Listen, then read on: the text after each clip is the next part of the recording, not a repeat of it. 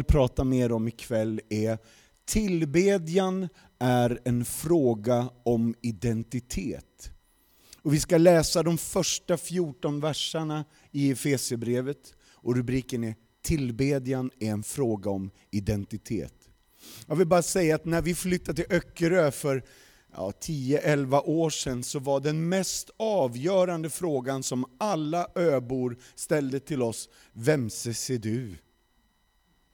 Det var helt otroligt, för de hade referenser, ja, jag är barnbarn till Kalle i Svänga. Och så hade de referenser eh, till Olga i Knohult, eller nej, nu hittar jag på något där. Men, men är ni med? Så vemses är du? är en viktig fråga. Och lyssna nu på identitetsfrågorna som ställs i de här verserna. Välsignad är vår Herre Jesu Kristi Gud och Far, som i Kristus har välsignat oss med all andlig välsignelse i himlen. Han har utvalt oss i honom före världens skapelse till att vara heliga och fläckfria inför honom. I kärlek har han förutbestämt oss till barnaskap hos honom genom Jesus Kristus efter sin goda viljas beslut. Och nu måste jag slänga in ett varför? Jo, till pris och ära för den nåd som han har skänkt oss i den älskade. I honom är vi friköpta genom hans blod och har förlåtelse för våra synder, tack vare den rika nåd som han lät fläda över oss med all vishet och insikt. Han har låtit oss få veta sin viljas hemlighet enligt det beslut han har fattat i Kristus. Den plan som skulle genomföras när tiden var inne att sammanfatta allt i himlen och på jorden i Kristus. I honom har också vi fått vårt arv, förutbestämda till det av honom som utför allt efter sin viljas beslut, för att vi som först har satt vårt hopp till Kristus skall bli vad då? Frågan igen. Jo, till hans ära och pris. I honom har också ni, när ni hörde sanningens ord, evangeliet om er frälsning. I honom har också ni, när ni kom till tro, fått den utlovade heliga anden som, en, som ett sigill. Anden är ett förskott som garanterar vårt arv. Att hans eget folk ska befrias, varför då? Till hans ära och pris. Jag predikade den här ganska, ganska nyss och jag har gjort det några gånger, bland annat på Gullbrannafestivalen och var du där så ber jag om ursäkt. Men delar av den här texten har det senaste halvåret blivit så avgörande för mig. För jag märker att folk har upplevt efter corona, eller jag ska börja med att säga så här, alla tonåringar söker identitet. Men efter corona så märker jag att även vi vuxna är lite vilsna. Vem är jag? Vem, vem, vem var jag när jag inte gick till jobbet längre? När jag satt framför en skärm hela tiden? Så det finns en liten eh, eh, osäkerhet på hur tar vi oss an den här frågan som vuxna, för att det borde vi ju ha lite koll på. Men nu hände oss en erfarenhet som vi inte riktigt vet vad vi ska göra med, för vi har inte varit med om det förut. Så lyssna här, jag tror inte att det bara är tonårsfrågor vi ställer oss. Det här är livsfrågor. Vemses är jag? frågar Öckeröborna. Och det är en bra fråga för dig och mig att ställa oss. För det kommer till vemses är jag? Då börjar jag förstå vad jag ska göra också. Men nu går vi händelsen i förväg. Nu kommer en slide, och jag vet att det är mycket text på den. Men håll i hatten och häng med lite. Rubriken är det är viktigt att ställa frågorna i rätt ordning. Varför är det viktigt att ställa frågorna i rätt ordning? För om vi ställer dem i fel ordning så blir konsekvensen kamp och kramp. Men ställer vi dem i rätt ordning så närmar vi oss evangelium. Alla människor frågar sig, vad gör jag och vem är jag? Och med det så kanske man också svarar på vad man tillber. En fotboll, en livsstil, eh, en fin bil, eller goda relationer, eller ett chefsjobb på arbetet.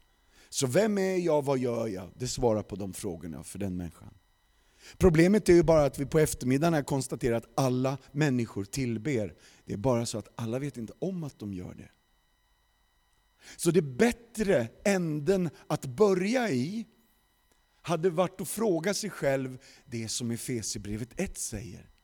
Vemses är jag? Och då börjar vi med frågan, vem är Gud? Och vad gör han? Och det leder oss helt enkelt till den tredje frågan, vad är tillbedjan? För när jag förstår vem Gud är och vad han har gjort, så känner jag, wow!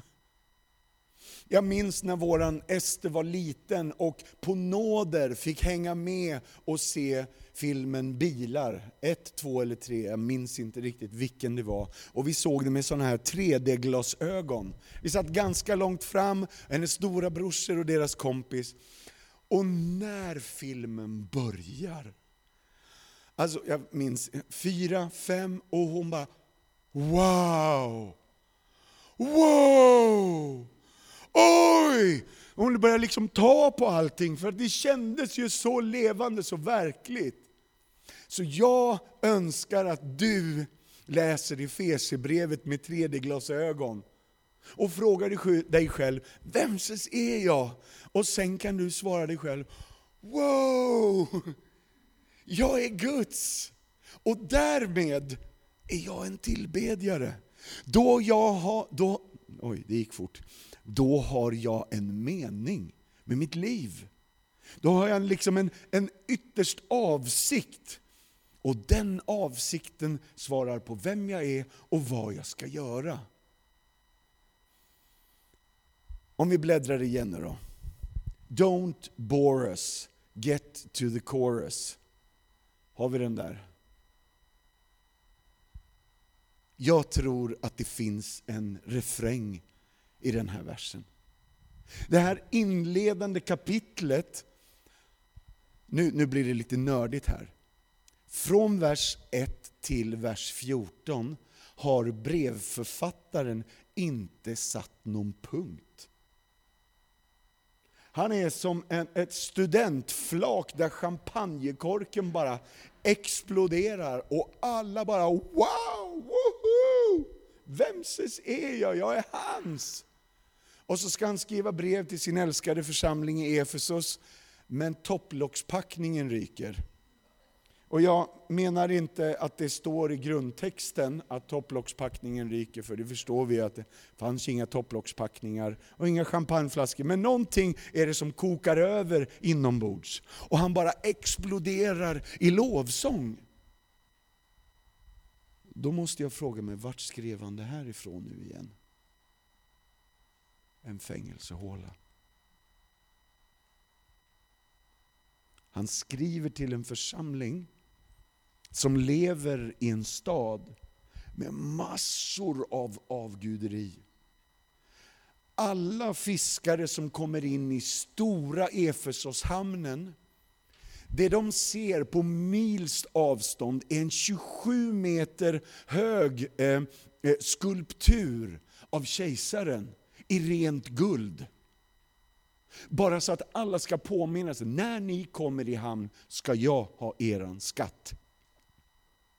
Alla pengarna i Efesos förvarades, förvarades i Diana-templet eller Artemis-templet, beroende på vilket språk man väljer.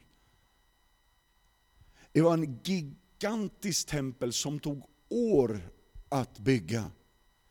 127 pelare, 22-24 meter höga, klädda i renaste guld.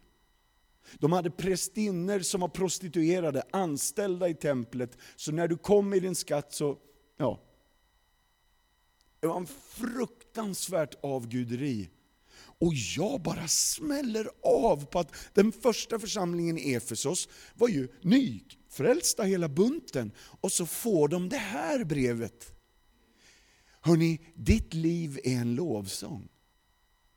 Att du vet inte vad som har hänt mig eller vad jag har gjort. Nu är mitt liv en lovsång. Nej, Gud hade en plan från begynnelsen med dig.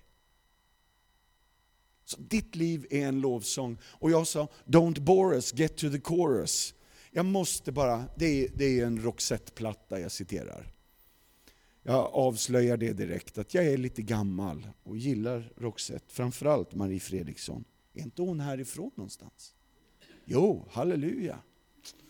I alla fall så gjorde de en samlingsplatta som hette Don't bore us, get to the chorus.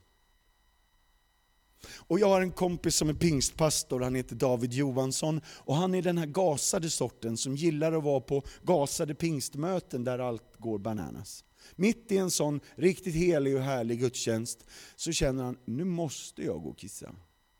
Så han väljer att göra det och ut ur samlingssalen, ner för trappan och i trappan så träffar han en tjej som är oerhört lättad och på väg upp. Så han sträcker ut armarna, pingstsalig som han är, och så ropar han Abba! Och då tittar hon på honom, är du från Mars eller? Och så sträcker hon ut armarna och så säger hon Roxette. Det är en true story. Så fruktansvärt bra. Han hade ju den här referensen av Galaterbrevet och Markus evangeliet och Romarbrevet där barnaskapets ande i oss ropar Abba, Fader. Och hon tänkte, ja han drar ett popband från 70-talet, jag chansar med ett band från 90-talet, får vi se vem som vinner. Don't bore us, get to the chorus. Ser ni att det finns en refräng med Efesierbrevet 1-14? till pris och ära för den nåd. Vi skall vara Gud till pris och ära. Och anden är en borgen för vårt arv. Att vi, Guds folk ska bli friköpt, och vad då? Gud få pris och ära. Så det här är ju sammanfattningen av våra liv. När vi sjunger lov, ära och pris så kan man säga, jajamän, check på den.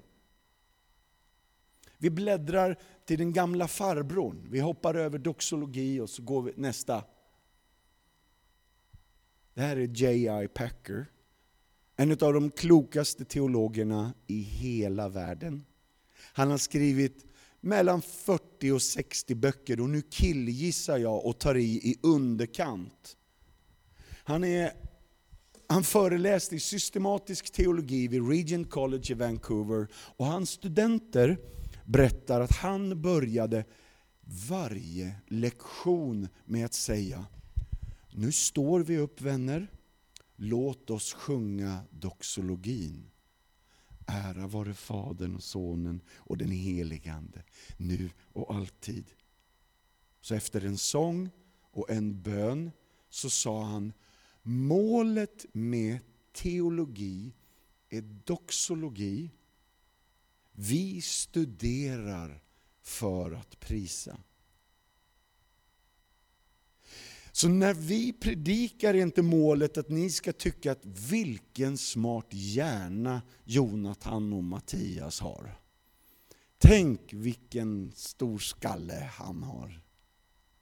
Utan målet är att våra hjärtan ska röras och våra läppar ska öppnas och våra händer ska lyftas och våra ben ska böjas i lovsång och tillbedjan. J.I. Packer som har skrivit så många böcker säger att de är ganska oviktiga i förhållande till skillnaden på teologi och doxologi.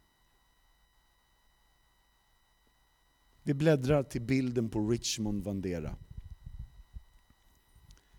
Richmond är 38 år och nybliven pappa nu. När han var 10 år så var han en av fem syskon som bodde i ett skjul i en kåkstad. Han hade haft malaria tio gånger innan han fyllde elva. När han blev elva år så blev han intagen i Compassions program. Hans mamma såg hans pappa bli mördad av några tjuvar framför deras ögon. Och mamma blev aldrig sig själv efter det. Så Richmonds barndom var att springa efter bananbilen för att kunna sno några bananer som han fick mata sin lilla syster som satt och svimmade flera gånger om dagen i sin barndom. När han blev 11 och blev fadder i Compassion så upptäckte han att den där rösten som inuti mig hade gnagt och tjatat och liksom tryckt ner honom. Du är ingen. Du är ingenting. Du betyder inte någonting, det är ingen som frågar efter dig och du kommer dö i förtid. Men när han blev fadder så upptäcker han på fullaste allvar att den rösten börjar klinga av. Därför att hans fadder som hette Heather och var en 15-årig tjej från USA, hon sa Gud har en plan med ditt liv, Gud har en stor tanke med dig och drömmar. Och han bara, Gud, vem är det? Vem är du? Och hon skrev, jag älskar dig Richmond. Och han bara, va? Älskar mig? Ingen älskar mig. Vem är du? Du känner ju inte, du vet. Till slut blev han frälst. När han var 19 år så hade hela hans familj kommit till tro och blivit befriade ifrån fattigdom i Jesu namn. Så hans mamma är frälst och alla hans fyra syskon är troende. Utbildade också skulle jag vilja säga. Nu leder Richmond den kyrkan som tog hand om honom som barn. De är tusen medlemmar. Och i maj förra året så pratades vi vid och då sa Richmond, Mattias, du kommer inte tro det, men just nu har vi utbildat den sextusionde pastorn till de fyra kringliggande länderna runt Uganda. 6000 pastorer. Richmond är en akademiker och utbildar pastorer och präster i Uganda. Så ni får gärna lyssna på vår podcast. Nu då, vi bläddrar till nästa. Vad hindrar, hämmar och dämpar min tillbedjan? Människofruktan, respektabilitet, självömkan, livets svårigheter, känslor och lögner och obekänd synd. Och C.S. Lewis säger tidsbrist, men sätter samtidigt ett frågetecken efter, för han säger, är det verkligen sant att jag på riktigt har tidsbrist att tillbe den Gud som har gett allt, gjort allt, frälst allt, räddat alla som vill. Så C.S. Lewis säger, vi kan skylla på tidsbrist, men är det verkligen sant? Ouppmärksamhet egenkärlek, eller en felaktig gudsbild, eller en felaktig självbild. Och där hör ni Richmond, eller mitt hjärta, på flera av de här punkterna. Så vad kan hindra, hämma, dämpa min tillbedjan? Innan jag går ner för landning, jag ska visa lite bilder på slutet, men om ni orkar lyssna några minuter, för nu blir det lite allvar. Om jag är vad andra säger att jag är, då kommer jag att springa på alla bollar som folk rullar på mig. Eller hur? Om jag är vad jag gör, då kommer jag att slita ut mig på att bevisa mitt värde för fröken eller chefen. Eller om jag är vad andra har gjort mot mig, då kommer jag ständigt stöta på nya konflikter eftersom originalproblemet är kvar inuti. Och historien kommer då helt enkelt att upprepa sig, för jag är kvar i mig. Eller om jag är vad doktorn säger att jag är, risken finns att jag identifierar mig med min diagnos. Att min diagnos är jag. Kommer ni ihåg i Johannes 5 när Jesus kommer till den lame mannen, inte vid sköna porten utan vid den här Betestadammen. Och så frågar hon, vill du bli frisk? Hallå eller? Käre Jesus, vilken idiotfråga. Han har legat här i 40 år, men Jesus vet mer än mig. Efter 40 år har den här mannen identifierat sig med sin situation. Så Jesus vet, vill du bli frisk? Eller om jag är de kläder som andra tycker att jag passar i, då kommer jag att ständigt jagas av modets nyckfulla vindar och de blåser tyvärr jättefort. Eller om jag är vad jobbet säger att jag äger på, då kommer jag att armbåga mig framåt och glänsa på bekostnad av andra. Eller om jag är vad min psykolog säger om mig, då kommer jag behöva han, hon, hen eller den varje gång jag blir ifrågasatt. Och så här skulle vi kunna fortsätta. Men istället ska jag försöka gå ner för landning och måla en bild av vad Efesierbrevet 1 vill säga att du är. Istället för att vi bara läser texten rakt upp och ner, så var vi med familjen i Rom i somras, för jag fyllde 50 för ett tag sedan. Och vi kommer dela ut mitt swishnummer så att alla kan få del av och ge mig en gåva. Men Det var många platser vi ville se. Och jag hade laddat järnet för att ungarna skulle komma in i Sixtinska kapellet. Väl där så står alla och stirrar och säger wow. Men grejen är, det har inte alltid varit wow. Så det jag ska göra nu är att visa fyra bilder och jag vill bara räcka upp handen och själv säga, de här bilderna är väldigt dåliga. Jag har hittat dem på nätet och de är väldigt pixliga. Men försök att skönja lite, vad är det de här bilderna vill visa oss? Vi kör första.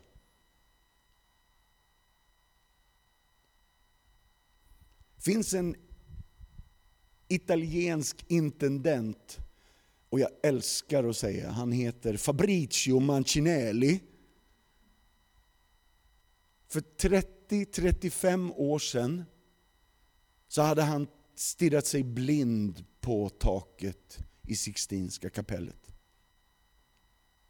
Alla konstkritiker, alla konsthistoriker, alla författare som har skrivit om Michelangelo, vet ni vad de har skrivit? Den killen har en mörk syn på livet. Den killen har en svart människosyn. Och han har en kolsvart syn på vem Gud är. Stackars kille som blev tvingad att måla det här och som liksom i något självhat målade det här taket.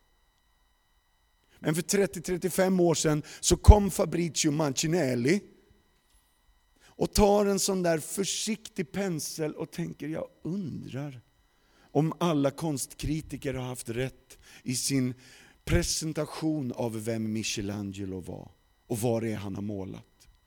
Och försiktigt, försiktigt så tar han sin dyra pensel och någon geggamoja och börjar putsa. Vi bläddrar igen nu då. Det där är det ni såg alldeles nyss. Det här är bara några månader efter att Fabricio Mancinelli började sitt äventyr.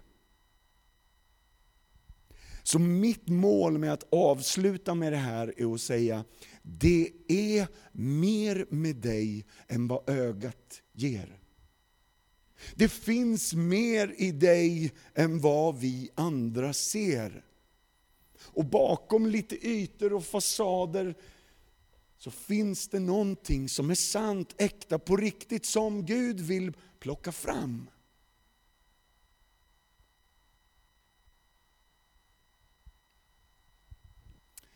Var det på 1500-talet som Michelangelo började måla? Sen dess så har det här rummet använts som ett kyrkorum. Och det har stått många ljusbärare på golvet. Men man har nästan alltid haft fönstren stängda. Det har gjort att 500 år av rök stiger och fastnar i taket. Några århundraden senare så upptäcker man bilen. Och man kan köra en bil på kol. Och man kan elda med kol, kanske att koleldningen kom före bilen i Rom. Har ni sett hur skitiga städer blir av koleldning? Så om du tittar runt fönstren i Sixtinska kapellet så sipprar in svart smuts som fäster. Så nu har vi alltså ljusbärare och rök. Vi har koleldning och avgaser från alla de bilar som i över hundra år har kört Rom, eh, runt i Rom. Och allt det här påverkar Tänk om ditt livs tal, tavla har blivit täckt av sot, rök, vax och avgaser. Inte avsiktligt, utan bara med tiden att alla ljus som var tända med goda intentioner och fromma avsikter, men det blev för mycket rök och för lite bönesvar. Så en besvikelse infinner sig och avgaserna tar över. Lyssna nu. Restauratörerna bevisar att historikerna har haft jättefel. Jag tror att Gud är en restauratör. Vi bläddrar igen, samma bild.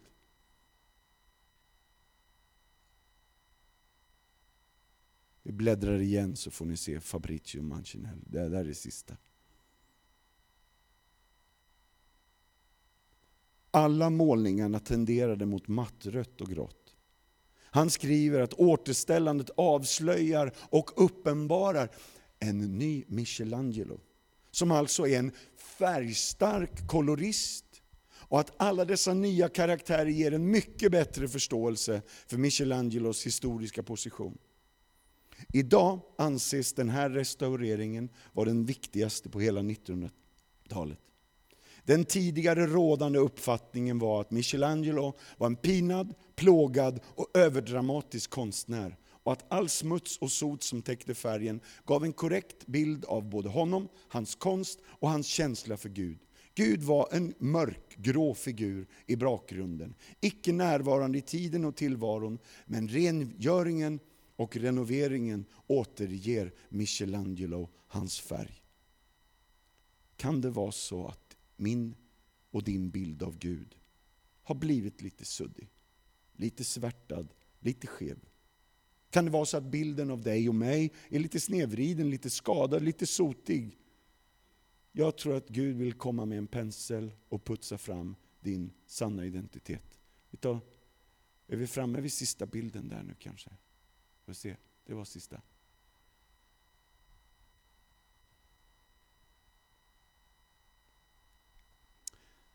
Allt detta för att avsluta med bibelordet från Efesierbrevet 5. Kyrkans gemensamma identitet. Vi är ett lovsjungande folk. Efesierbrevet 5 och 18-20 säger, berusa er inte med vin, det leder till vårdslöshet. Låt er istället uppfyllas av anden. Tala till varandra med salmer, hymner och andlig sång. Sjung och spela för Herren i era hjärtan och tacka alltid vår Gud och Far för allt i vår Herre Jesu Kristi namn. Mm. Vi ber en bön. Gode Gud, nu ber vi för avslutningen av gudstjänsten här. Rör vi våra liv som bara du kan. Låt din helige Ande få tag i originalfärgerna i oss. Herre, du har målat oss till din avbild. Men livet har gjort så mycket med oss. Så vi måste bli uppputsade, avdammade, rengjorda. Så kom Herre Jesus. Och låt ditt kors vara det som befriar oss ut i barnaskap och glädje och hopp igen. Jag ber inte liksom om förenklingar och snabba lösningar. Utan Herre, har, har soten kommit över tid, så gör ditt verk. Om du gör det ögonblickligt eller över tid, ske din vilja, tillkommer ditt rike. Men putsa på oss Herre. Vem vi än är, vilken ålder vi än har och hur liksom många frågor vi än tycker att ställa, eller inte. Herre, vi tror att det är mer med oss än vad ögat ser. Och ytterst så tror vi det för att ditt ord säger det. Så då ber vi att du uppenbarar lite mer av vem du är i oss och vad du har tänkt och bestämt i oss. Vi ber så i Jesu namn. Amen. Amen. Nu ska vi be lovsångsteamet komma fram och vi ska sjunga den här sången som heter Mer av dig som vi sjöng i morse. Och nu kan ni den så då får ni sjunga med. Och är du ny ikväll, ja du måste sjunga med ändå. Annars blir det ingen förbön för dig. Nej, jag skojar bara. Så friends, vi sjunger den här tillsammans och sen inbjuder Jonathan till förbönsplatserna, vart de nu är. Då.